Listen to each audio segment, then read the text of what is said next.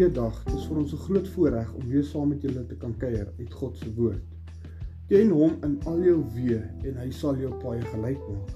Dis vir ons 'n baie bekende versie, maar lewe ons tog daardie manier. Ons gebed vir julle almal vandag is dat julle so 'n goeie verhouding sal bou met die Here, dat julle alles met hom sal deel en hom kan ervaar ten volle. Amen.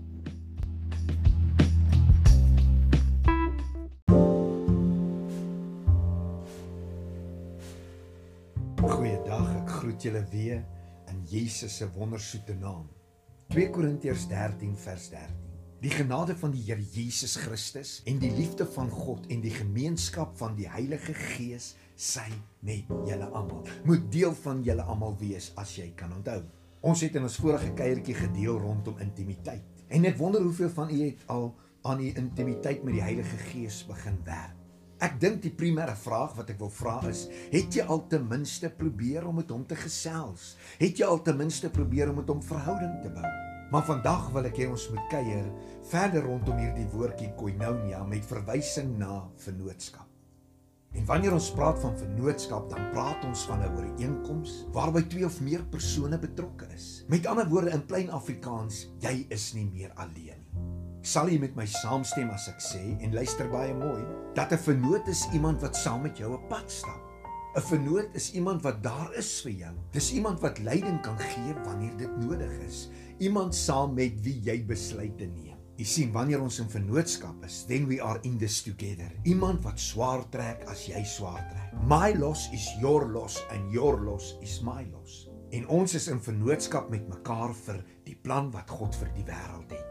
Maar die hartseer van die verhaal is dat ons het meer as net mekaar se vennootskap nodig om hierdie plan van God 'n werklikheid en 'n realiteit te maak, naamlik die vennootskap van die Heilige Gees. Hoekom sê ek so? Kom ek verduidelik vir jou. Jesus het geweet wat dit beteken om die Heilige Gees as vennoot te hê. Sy hele bediening tydens sy verblyf op die aarde was afhanklik van die Heilige Gees die dinge wat op aarde met hom gebeur het, die dinge wat hy gedoen het en hoor mooi, dit sluit alles in was onlosmaaklik aan die gees van God en die krag van die gees verbind.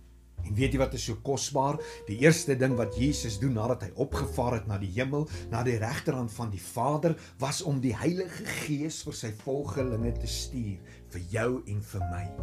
I wonder why. Let me tell you.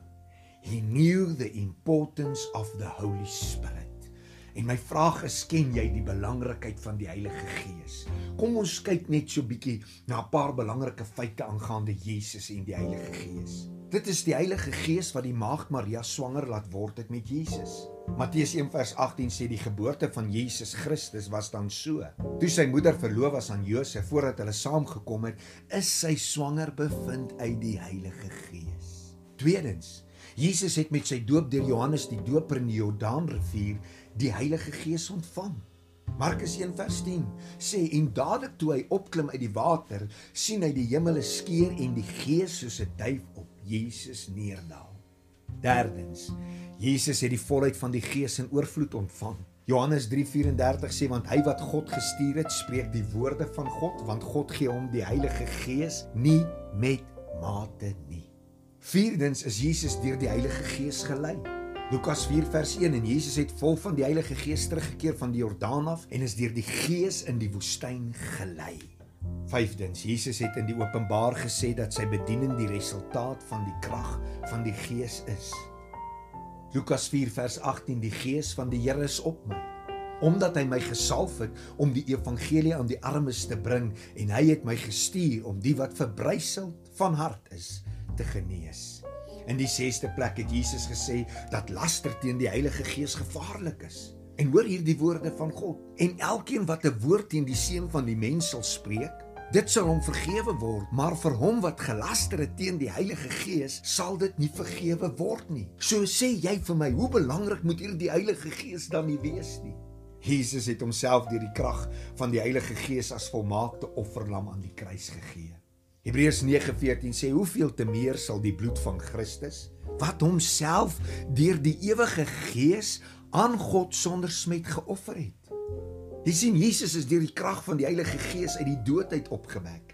Romeine 8 vers 11 as die gees van hom wat Jesus uit die dode opgewek het in julle woon sal hy julle wat Christus uit die dode opgewek het ook julle sterflike liggaam lewend maak deur sy gees wat in julle woon. Jesus het die disippels deur die bediening van die Heilige Gees geleer en gelei.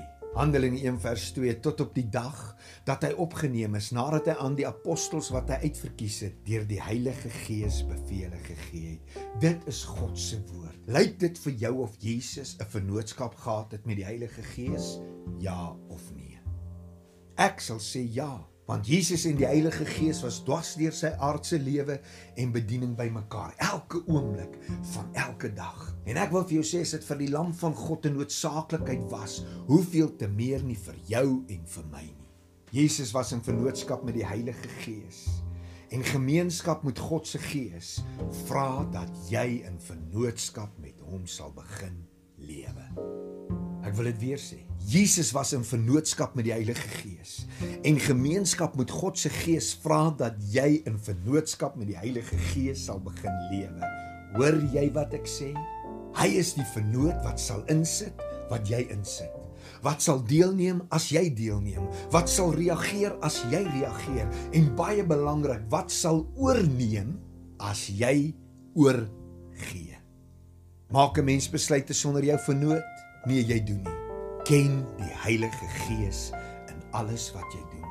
As ons na hom luister, as ons met hom saamwerk en hom toelaat om sy werk in ons lewens te doen, sal hy ons lei en ons alles leer wat ons nodig het om te weet. Dit maak nie saak wat jy geweet het toe jy Jesus ontmoet het nie. Jy het nou 'n vernoot wat in jou woon en elke vraag wat jy mag vra, vir jou wil beantwoord. Daarom moet jy leer, jouself oefen om met hom saam te werk want dit is waar jou vennootskap met die Heilige Gees begin. Ons het 'n hemelse afrigter tot ons beskikking en ons moet leer om sy raad en sy leiding te aanvaar en hom onvoorwaardelik te volg sonder om teë te praat. Die vraag is: kan jy? Wil jy? Sal jy? En is jy gereed vir so 'n vennootskap? Mag die Here jou seën. Amen.